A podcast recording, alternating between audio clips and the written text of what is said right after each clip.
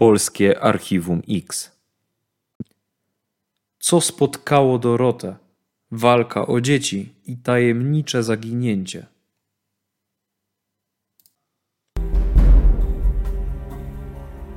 Dorota Białowąs przyjechała do domu swojego męża, z którym była w trakcie procesu rozwodowego. Przekroczyła próg domu i od tamtej pory nikt jej nie widział. Ciała 29-latki nie odkryto do dziś. W wieczór jej zaginięcia mężczyzna rozpalił ognisko, w którym miał spalić swoje ubrania.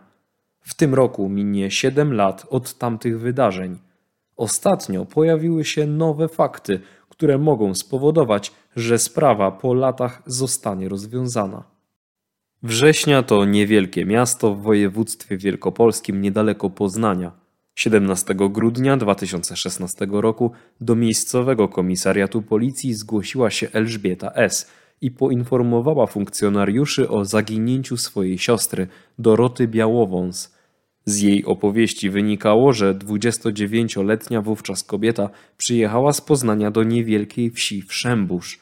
To tutaj mieszkał Błażej, jej mąż, z którym była w trakcie procesu rozwodowego – Dorota chciała odwiedzić trójkę swoich dzieci Natalię, Borysa i Macieja. Sąd zdecydował, że na czas trwania starania się o rozwód zostaną oni w swoim dotychczasowym miejscu zamieszkania razem z ojcem.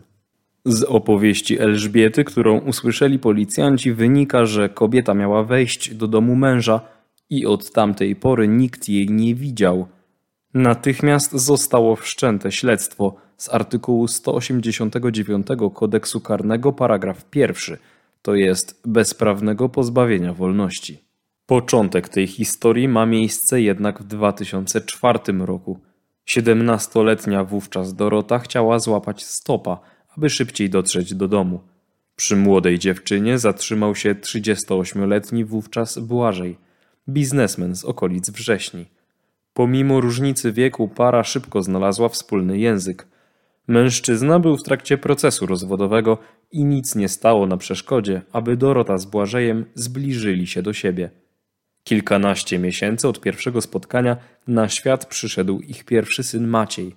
Po kolejnych trzech urodził się Borys, a po sześciu córka Natalia. Do 2014 roku relacje pomiędzy małżonkami układały się prawidłowo.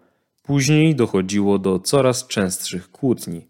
Według relacji najbliższych Błażej miał wyzywać Dorotę, używając przy tym bardzo niecenzuralnych sformułowań. Kobieta według zeznań jej najbliższych miała być również zmuszana do intymnych stosunków. Mężczyzna bił Dorotę. W styczniu 2015 roku kobieta wspierana przez swoją siostrę Elżbietę i znajomego Dariusza C. wyprowadziła się z domu we Wszęborze. Choć jej bliscy relacjonują, że została z niego wręcz wyrzucona i została z niczym. Rozpoczęła się rozprawa rozwodowa, a sąd zdecydował, że do momentu jej zakończenia trójka dzieci pozostanie w domu we Wszęborzu razem z ojcem. Dorota miała mieć możliwość spotykania się z nimi co drugi weekend. Kobieta po wyprowadzeniu się od męża szybko znalazła mieszkanie w Poznaniu i przyszykowała tam miejsce dla swoich dzieci – Pomimo decyzji sądu Błażej odmawiał przywożenia dzieci do Poznania. Jego postawy nie zmieniły kolejne kary pieniężne, które na niego nakładano. Z tego powodu Dorota, aby móc się zobaczyć z dziećmi, musiała jeździć do Wszęborza. Najczęściej pojawiała się w sobotę z rana i zostawała razem z trójką dzieci do późnych godzin wieczornych. Z ustaleń śledczych wynika jednak, że nie były to spokojne wizyty – Błażej miał ubliżać Dorocie, a kobieta czuła się zastraszana. To właśnie dlatego najprawdopodobniej za namową bliskich nagrywała ich przebieg z ukrycia. Do nagrań dotarł dziennikarz śledczy interwencji Polsatu Rafał Zalewski. Rozmawiamy z nim telefonicznie. Przed zaginięciem pani Doroty e, relacje między nią a, jej e, mężem no nie były najlepsze, delikatnie mówiąc. E, było tam mnóstwo napięć, sprawa rozwodowa w tle, no i, i, i tak wspomniałeś, e, nagrania. Nagrań, które, nagrania, które, było ich bardzo dużo, cała sterta nagrań, które, które pani Dorota e, potajemnie e, wykonała po to, aby później mieć dowód w sądzie. Kiedy ja rozmawiałem z jej mężem, e, z tego co pamiętam, on był już wówczas skazany za, za pobicie jej, e, natomiast nie był to wyrok prawomocny, ponieważ on się od niego odwoływał. E, dlatego, kiedy zadawałem mu pytania na ten temat, on twierdził, że żadnego pobicia nie było i, i, i żadnego wyroku również póki co tak naprawdę nie ma, dlatego że odwołanie jest w toku i nie wiadomo jeszcze, jakie ostatecznie rozwiązanie przyjmie sąd. Dziś wiemy już, że sąd ostatecznie postanowił, aby go jednak za to znęcanie skazać, a więc uznał, że, e, że pani Dorota była jego ofiarą. E, no, z tych nagrań również wynika, że rzeczywiście negatywnych emocji z jego strony wobec niej było mnóstwo. Ale z drugiej strony patrząc, no to w wielu sprawach rozwodowych tak właśnie jest, prawda? On, e, kiedy rozmawiał ze mną, on cały czas przedstawiał to w taki sposób, że te nagrania były wykonane E, przez panią Dorotę celowo, że ona przygotowywała sobie materiał dowodowy, który miał jej posłużyć później w sprawie rozwodowej, że specjalnie prowokowała pewne sytuacje, później e, włączała dyktafon, tak aby on na tych nagraniach e, później wyszedł na, na człowieka złego, nerwowego, groźnego na potwora, prawda? Jaka była prawda? No, do końca nie wiemy. Wiemy, że w sprawach rozwodowych rzeczywiście emocje po obu stronach często są, są bardzo duże. No, z pewnością te nagrania nie stawiają tego, e, tego e, człowieka w korzystnym świetle, no zwłaszcza w kontekście tego, co stało się później.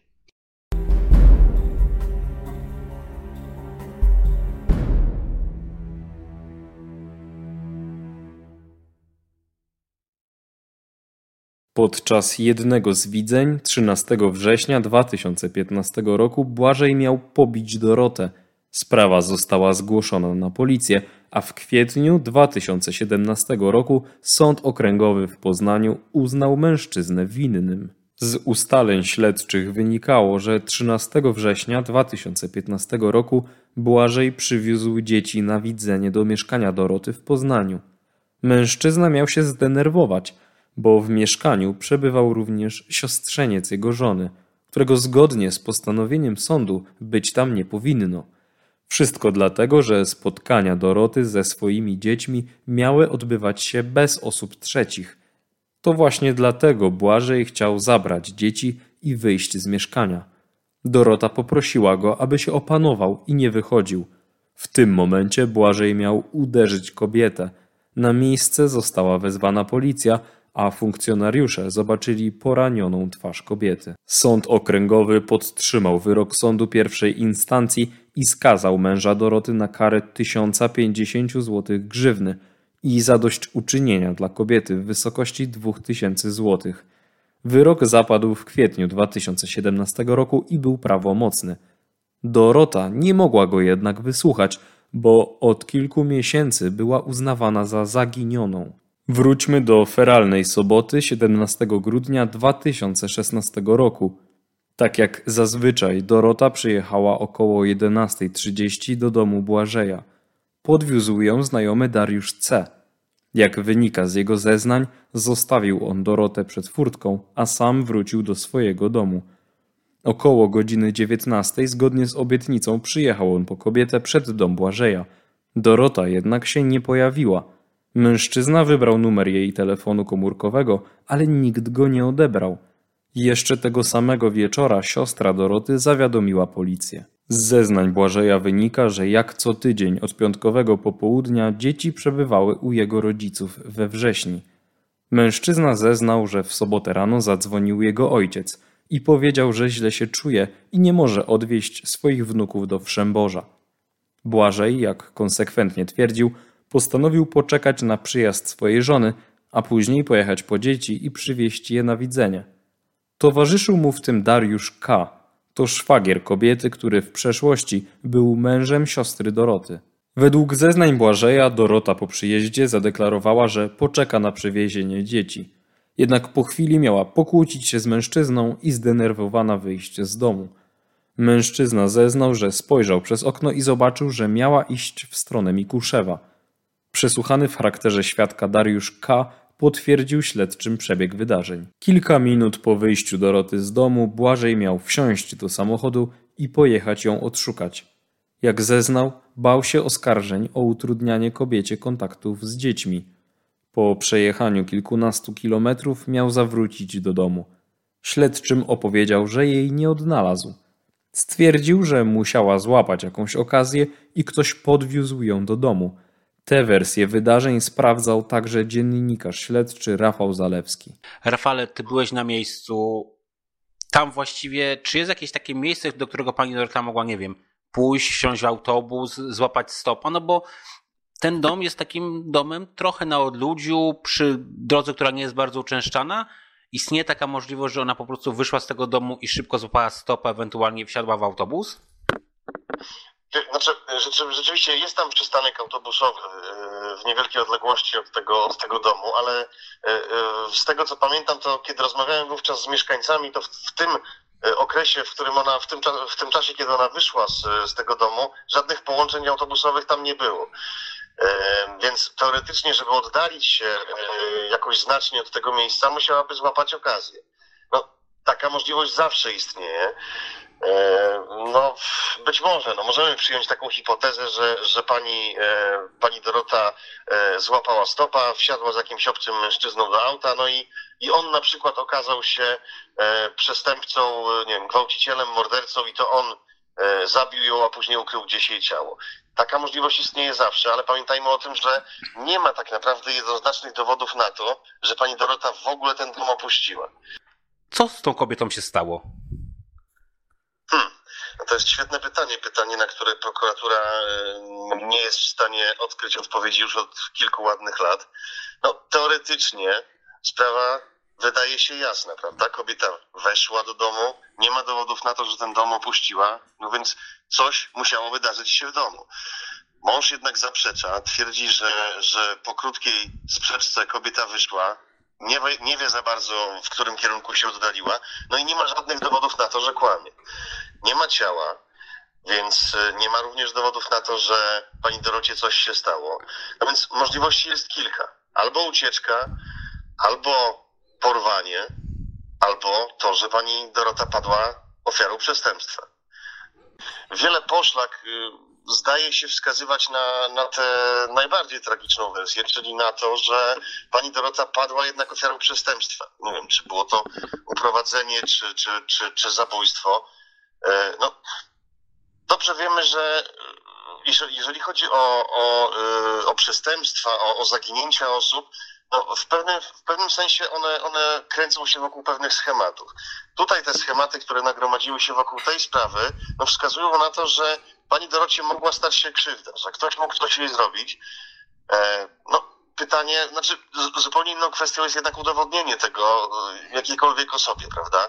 No wiemy, że pani Dorota raczej nie uciekłaby po to, żeby rozpocząć gdzieś nowe życie, no bo miała dzieci, które, które kochała, z którymi czuła się związana i których raczej nie chciałaby z własnej woli opuścić. No zresztą samo to, że zaginęła idąc, aby je odwiedzić, no to już świadczy o tym, że raczej no, nie chciałaby ich zostawić i, i, i rozpoczynać gdzieś zupełnie nowego życia. E, moim zdaniem, ale to tak jak mówię, to jest tylko i wyłącznie moja prywatna opinia, moim zdaniem coś musiało się wydarzyć, e, musiało się jej coś stać. E, moim zdaniem pani Dorota raczej nie żyje i padła ofiarą zabójstwa.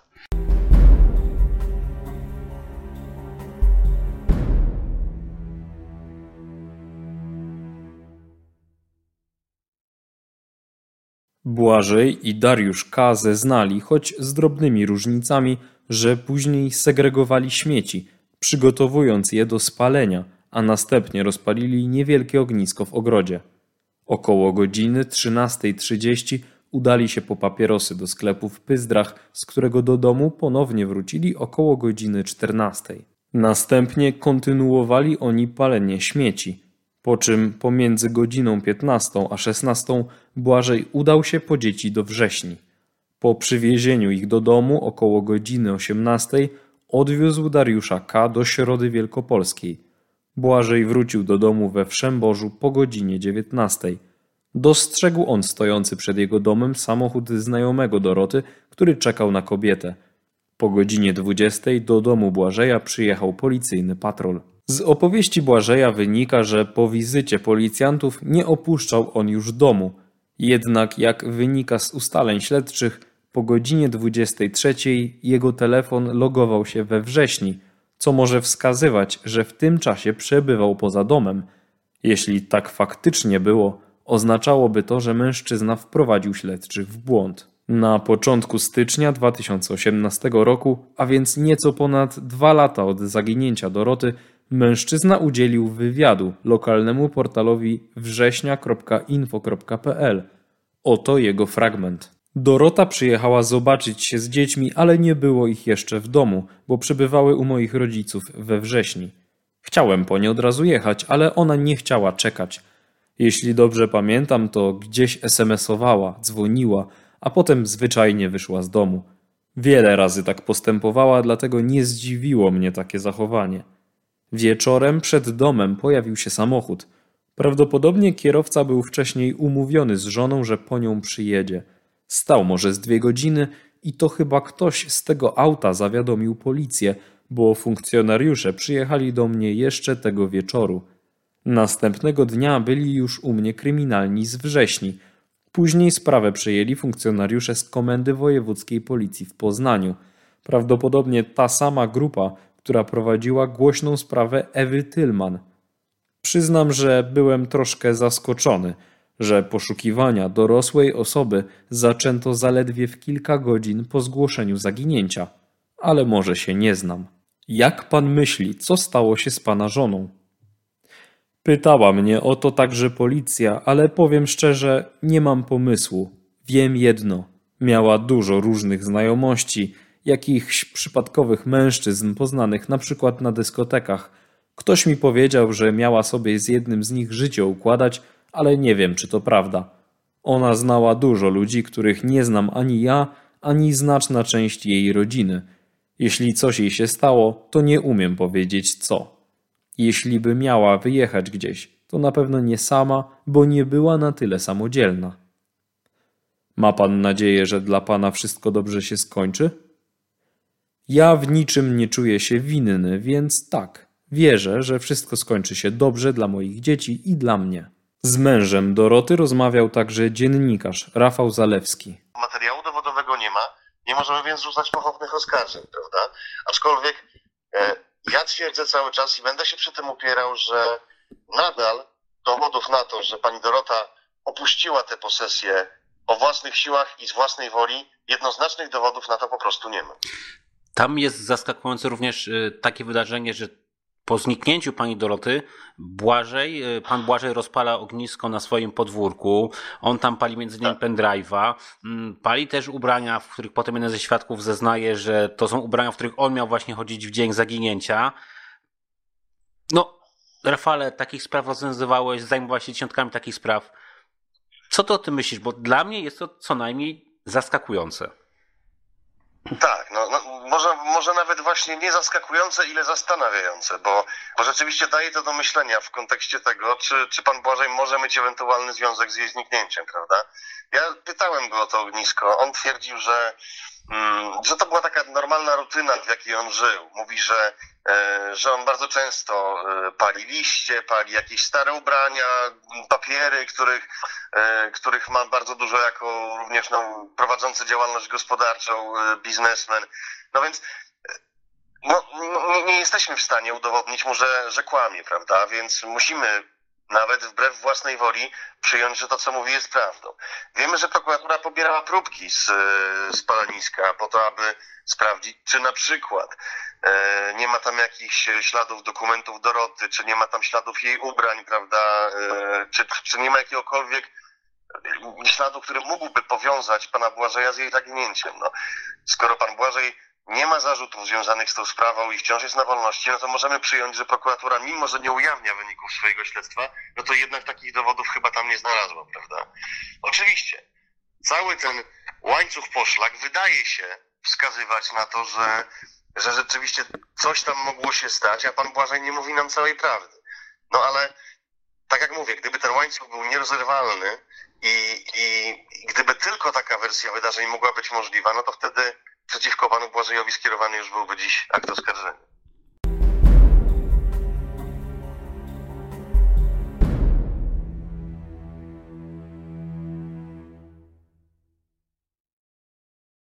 Podczas śledztwa przeszukano miejsce pracy, jak i zamieszkania Błażeja oraz Dariusza K. Kilkukrotnie sprawdzano także samochód należący do męża Doroty oraz ogród i okoliczne zabudowy. Śledczy zabezpieczyli także komputer, odręczne notatki Błażeja, pozostałości z popiołów ogniska. Ujawniono w nich spalonego pendrive'a oraz odzież należącą do Błażeja, którą według jego konkubiny miał mieć na sobie w dzień zaginięcia. W toku śledztwa wykonano także eksperymenty procesowe z udziałem Błażeja oraz Dariusza K. Obaj panowie zostali przebadani także za pomocą wariografu. Dodatkowo blisko stu funkcjonariuszy policji przeszukało okolice, próbując znaleźć jakieś ślady kobiety. O działaniach śledczych rozmawiamy telefonicznie z prokuratorem Łukaszem Wawrzyniakiem z prokuratury okręgowej w Poznaniu. Co my wiemy w sprawie zaginięcia pani Doroty Białowąs? Przede wszystkim wiemy, że miało to miejsce 17 grudnia 2016 roku.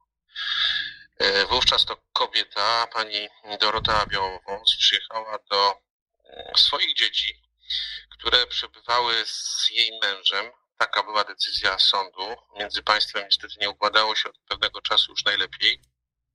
E, Przyjechała odwiedzić dzieci. To, to robiła dosyć często, regularnie. Mm, Te dzieci u tego małżonka przebywały.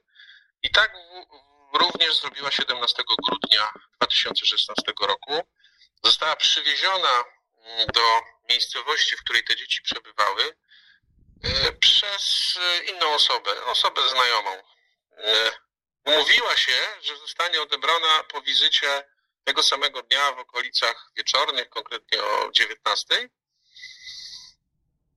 Niestety ta osoba, która ją przywiozła, jak przyjechała, żeby odebrać panią Dorotę Białowąs, no nie zastała jej, a uzyskała oświadczenie, że kobieta sama opuściła e, dom, udała się w kierunku miejscowości. e, Prawdopodobnie została zabrane, zabrana przez jakąś okazję.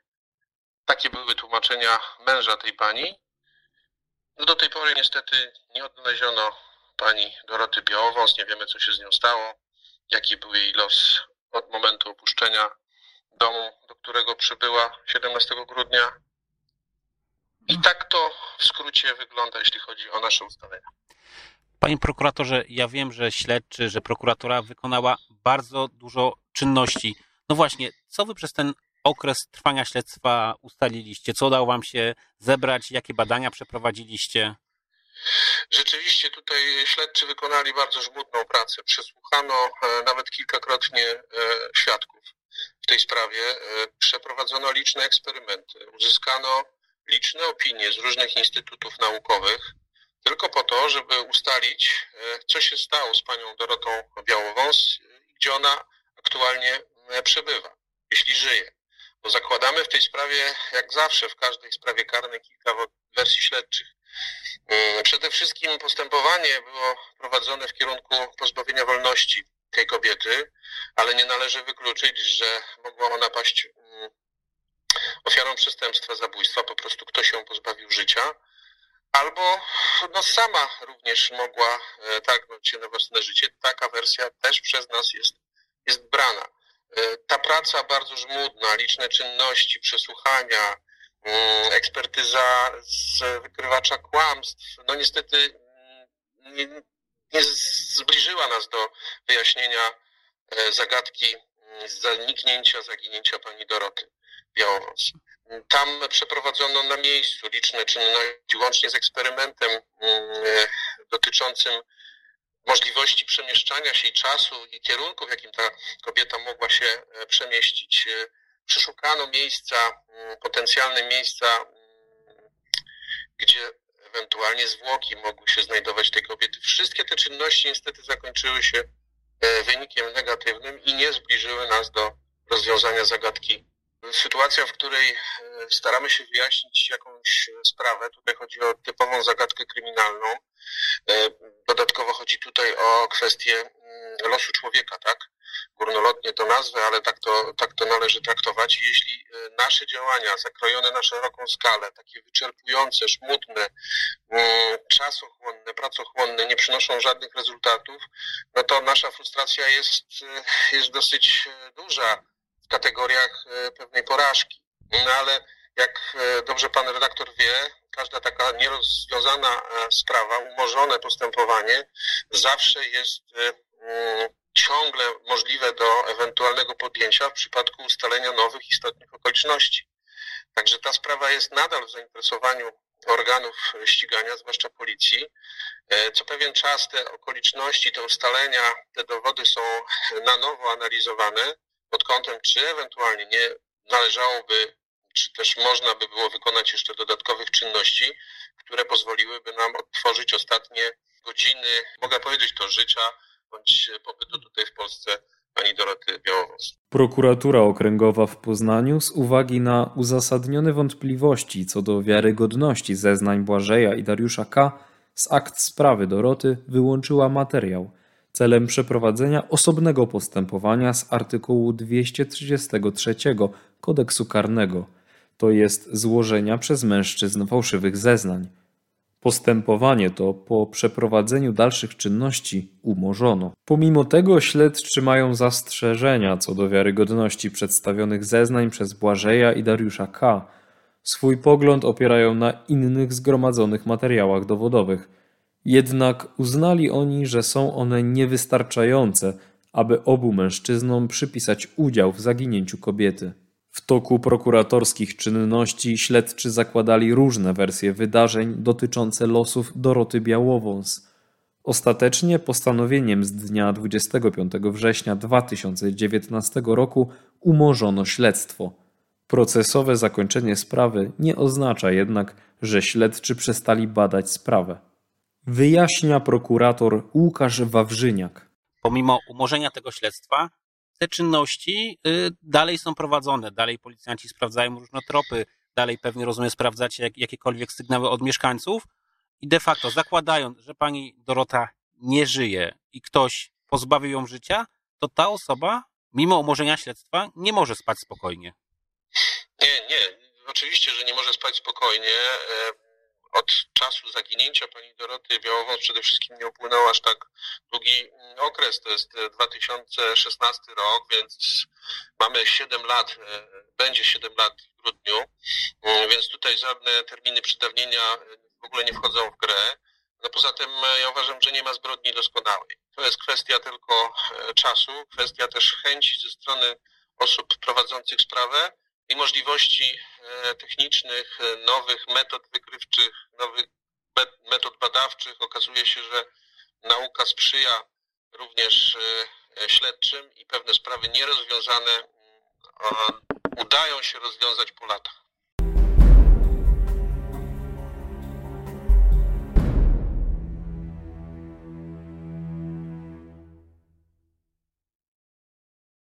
O sprawie rozmawiamy z Bogdanem i Mariuszem, współtwórcami policyjnego krakowskiego Archiwum X. Bogdanie, sprawa pani Doroty wciąż pozostaje nierozwiązana. Co po tylu latach śledczy mogą w tej sprawie zrobić jeszcze? Y, troszeczkę, wiesz, y, zaznajomiłem się z materiałami y, zalegającymi w sieci na temat tego zaginięcia i po tych no, informacjach nie mam wątpliwości, że ten przypadek należy zaliczyć do kryminologicznej kategorii ciemnej liczby zabójstw popełnianych w Polsce. To klasyka, można powiedzieć, e, tej ciemnej liczby ukrytej właśnie pod, e, pod płaszczykiem zaginięcia osoby. Mm, co można, bardzo dużo można, ja będę to powtarzał niczym mantrę, przede wszystkim zmienić sposób e, patrzenia na dowody, na sprawę. Troszeczkę tutaj trzeba po prostu no, poznać e, prawidła, które rządzą tą ciemną liczbą zabójstw i do niej się dostosować. Przede wszystkim w tej sprawie od 6 lat nie mamy zwłok e, pani Doroty, a to jest bardzo ważny, podstawowy dowód, że ona nie żyje już, bo nawet po takim czasie należy wykluczyć samobójstwo, z tego, co y, zapoznałem się z materiałami, ona była emocjonalnie związana z dzieckiem, także tak samo jakieś oddalenie się od rodziny, zmiana trybu życia tutaj nie wchodzi w rachubę, ale o tym jeszcze powrócę do tego tematu.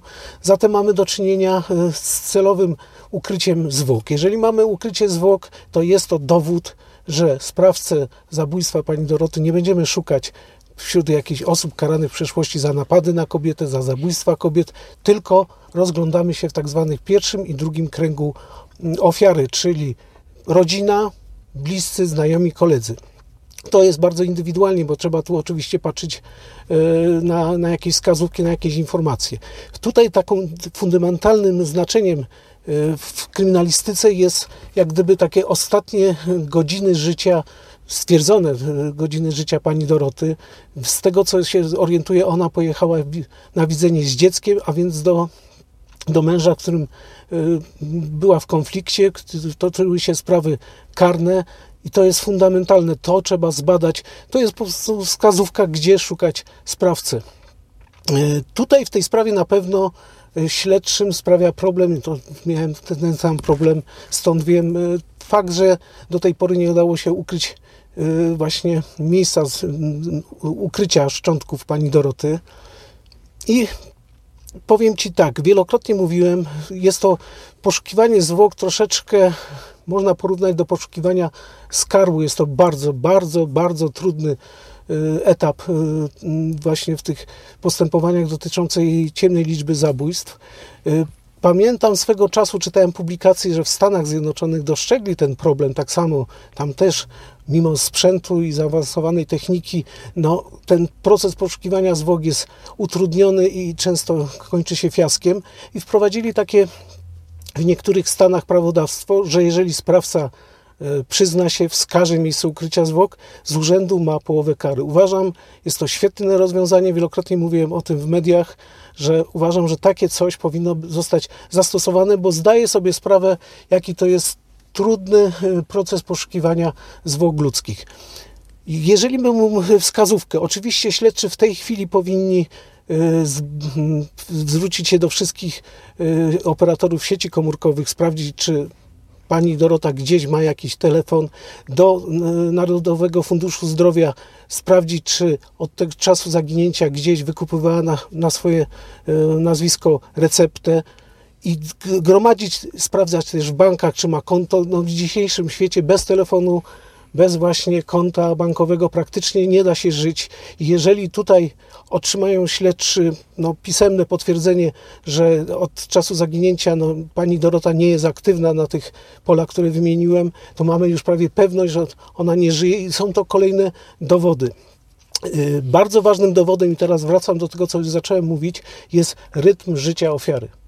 Tutaj uważam, że powinni śledczy zwrócić się do biegłego psychologa i polecam Instytut Ekspertyz Sądowych w Krakowie, który ma ogromne doświadczenie właśnie w tym etapie, żeby określić ten rytm życia ofiary, czyli jak ona się zachowywała w przeszłości. Czy zdarzało się jej znikać, czy zdarzało się to, że przestała się opiekować dzieckiem, interesować się takie rzeczy są bardzo istotne i, i, psycholog śledczy kryminalny bardzo szybko wyłapie taki rytm i to jest kolejny dowód w tej sprawie. Jeżeli chodzi, powracam teraz do poszukiwań e, zwłok, powiem Ci, że w Krakowie w związku z tym, że mieliśmy z tym problemy, no opracowaliśmy na kanwie naszych e,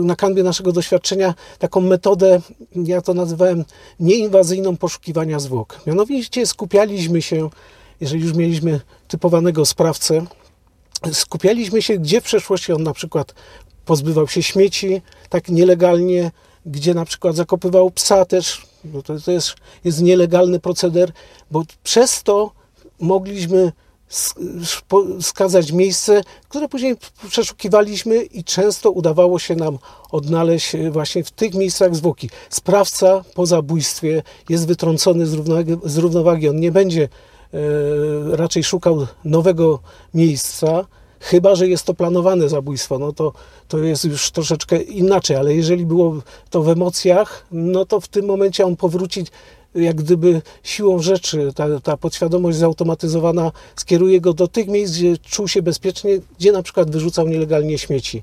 Mm, można też pokusić się oczywiście i bardzo ważnym dowodem w sprawie będą wszystkie postępowania, jeżeli toczyły się wo wobec wytypowanego sprawcy w przeszłości. Te sprawy trzeba wypożyczyć, zrobić oględziny tych akt i zobaczyć, jak ten dany człowiek, typowany sprawca zabójstwa pani Doroty, zachowywał się w przeszłości w innych postępowaniach karnych, jak się tłumaczył, i sprawdzić, czy w danej sprawie, właśnie w sprawie pani Doroty, nie stosuje tych samych technik mających na celu uniknięcie odpowiedzialności karnej.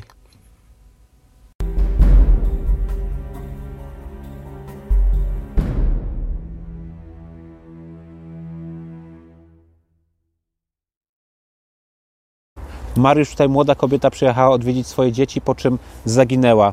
Z Twojego blisko 30-letniego doświadczenia pracy w policji, ludzie chyba tak po prostu się nie rozpływają w powietrzu. No tak, ludzie nie rozpływają się w powietrzu, biorąc pod uwagę okoliczności tej sprawy. y, Jednoznacznie możemy y, stwierdzić, wskazać, że ta osoba jednak padła y, ofiarą przestępstwa, nie żyje. I tutaj nie mamy najmniejszych wątpliwości, jeśli chodzi o tą sprawę. Mariusz, w tej sprawie śledczy zrobili bardzo, bardzo, bardzo wiele. Patrząc na to z boku, wydaje się, że ta sprawa jest bardzo prosta, natomiast ten proces dowodowy, potem proces na sali sądowej, one są bardzo skomplikowane. Czy tu brakuje tej przysłowej kropki nad i jeszcze? Tak, tutaj nam brakuje przysłowiowej kropki nad i. Niektórzy twierdzą i skłaniają się do tego, że ujawnienie zwłok byłoby tą przysłowiową kropką. Y, Nie jest to konieczne w wielu sprawach, natomiast tutaj możemy powiedzieć, że prokuratura wykona wiele czynności, wiele czynności dowodowych, one są zebrane. Mm, Tutaj jednoznacznie wszystkie okoliczności wskazują, że kobieta ta y, padła ofiarą przestępstwa, nie żyje. I tutaj możemy tylko y, myśleć, że znajdą się jeszcze dodatkowe dowody, które pozwolą na zakończenie tej sprawy i sprawca poniesie odpowiedzialność. Ty, Mariusz, powiedziała, że tą przysłowiową kropką nad i może być znalezienie ciała pani Doroty. Ten obszar, y, w którym ona zaginęła, y, jest, y, znajduje się tam dużo lasów, pól. Ona może być de facto wszędzie. Tak, tak jak w wielu sprawach tutaj, z którymi mieliśmy do czynienia, w większości jest tak, że te zwłoki są ukrywane w miejscach, gdzie niedostępnych obszarach, kompleksach leśnych lub innych. I tutaj najprawdopodobniej też sprawca tą osobę w takim miejscu ukrył. Natomiast y, ja myślę tak, że w, po, wielu, po, po wielu latach w różnych sprawach y, jednak y, emitując, nagłaśniając te sprawy, robiąc to przez nasz kanał, możemy mieć, uzyskać informację, która spowoduje to, że jednak to ciało zostanie ujawnione i ta sprawa znajdzie swój finał w sądzie. Czasem jest też tak, że tą przysłowiową kropką nad i mogą być czyjeś zeznania, osoby, która do tej pory być może milczała, bo wydawało jej się, że jej zeznania niewiele wniosą, a być może to jest ten element brakującej układanki. Tak, często jest tak, że wiele osób nie zdaje sobie sprawy, że są w posiadaniu tej wiedzy, która w zestawieniu z wiedzą, która została zebrana przez policję, prokuraturę, y, powoduje to, że y, może nastąpić przełom w danej sprawie, że można określić miejsce ukrycia zwłok. Y, Tutaj biorąc pod uwagę, mam też do czynienia z, jak gdyby z y, taką małą miejscowością, gdzie, gdzie pewna jak to wiele razy mówimy, zmowa milczenia powoduje to, że wiele osób nie chce y, zeznawać, nie chce ujawniać pewnych faktów, twierdząc, y, że nie mieszają się w te sprawy. Jednak ja myślę, że po, po latach czasami pewnym osobom przypominają się pewne rzeczy, pewne osoby chcą jednak przekazać te informacje i w wielu sprawach tak też to miało miejsce i myślę, że w tej sprawie też jakieś informacje, które będą dodatkowymi y, potem dowodami w tej sprawie zostaną przekazane. Mariusz, zapytam Cię też o taką niemoc, którą może odczuwać śledczy. Kiedy Ty masz też takie doświadczenie zawodowe, że stara się policjant rozwiązać sprawę, natomiast w pewnym momencie dochodzi do takiej ściany, wydaje się, że zrobił wszystko. No właśnie, jak duża może być czasem frustracja śledczych, że są już na wyciągnięcie ręki do tego, żeby rozwiązać daną sprawę, a brakuje im czegoś jeszcze. Tak, kuriozalnie jest tak, że pomimo wielkiej pracy tutaj policji, prokuratury i często, tak jak my pracowaliśmy, to są miesiące, czasami lata tej pracy, dochodzimy do e, pewnego momentu, gdzie wielokrotnie wiedzieliśmy, jaki miało przebieg zdarzenie, że można było stwierdzić jednoznacznie, że osoba ta nie żyje, że jest pozbawiona życia.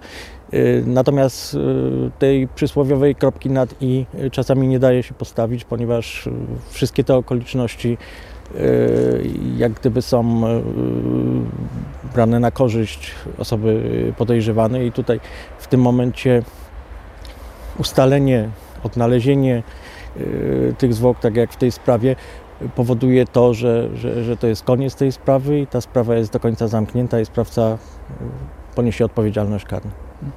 Rozumiem, Mariusz, że ta sprawa jest świeża. To jest raptem kilka lat od zaginięcia pani Doroty. Z Waszego doświadczenia mówię, że to jest świeża sprawa, ponieważ zajmowaliście się sprawami sprzed 20-25 lat, które udawało się rozwiązać, więc domyślam się, że również potencjalny sprawca w tej sprawie, mimo że ta sprawa na tym etapie jest umorzona, nie może spać spokojnie.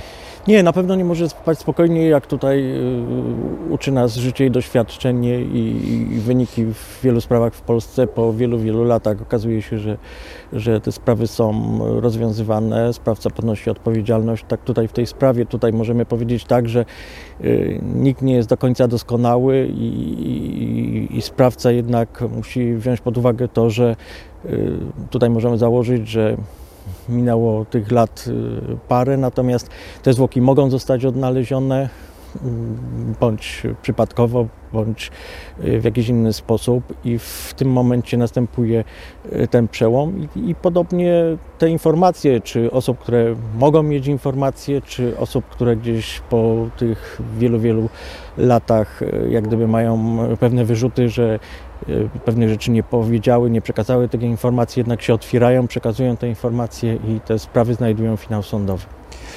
Mariusz, zapytam Cię jeszcze jedną rzecz, ponieważ y, Wy często powtarzacie, że ze swojego doświadczenia jest coś takiego, że ten sprawca y, potrzebuje czasem wyrzucić coś z siebie. On czasem po alkoholu komuś może coś powiedzieć. Tutaj też minęło kilka lat. Wydaje się, że ten sprawca mógł komuś cokolwiek w tym temacie opowiedzieć, prawda? Tak, tutaj jest wiele okoliczności i czasami bywa tak właśnie, że i tu jest nasz apel przy tej sprawie i wielu innych sprawach, że te osoby podczas różnych właśnie e, spotkań e, towarzyskich e, w chwili tak zwanej, można powiedzieć, słabości mówią pewne rzeczy, może to nie są powiedziane rzeczy do końca, ale padają pewne niedomówienia, padają pewne rzeczy, które świadczą o tym, że ta osoba jest sprawcą i pasuje, żeby te informacje zostały y, przekazane. Często jest tak, że albo osoby ze środowiska lekceważą te, te symptomy, mm, albo też obawiając się jak gdyby o swoje bezpieczeństwo y, nie przekazują, lub też często bywa tak, że uzależnione pewnymi względami rodzinnymi y, milczą na ten temat. Czyli wygląda na to, że ten sprawca, mimo że czasem na zewnątrz może wyglądać, że jest opanowany, spokojny, to de facto taka osoba, która kogoś zamordowała, w środku panuje chaos, jest zdenerwowana?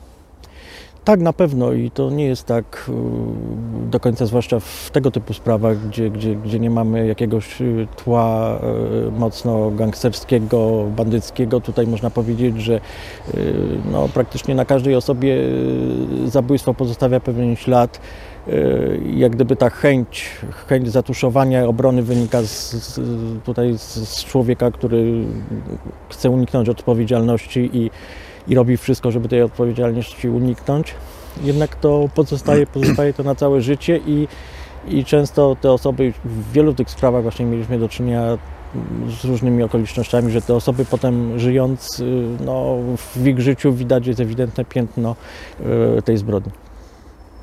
Jeśli masz jakieś informacje, możesz skontaktować się telefonicznie z prokuraturą okręgową w Poznaniu lub wysłać informacje anonimowo.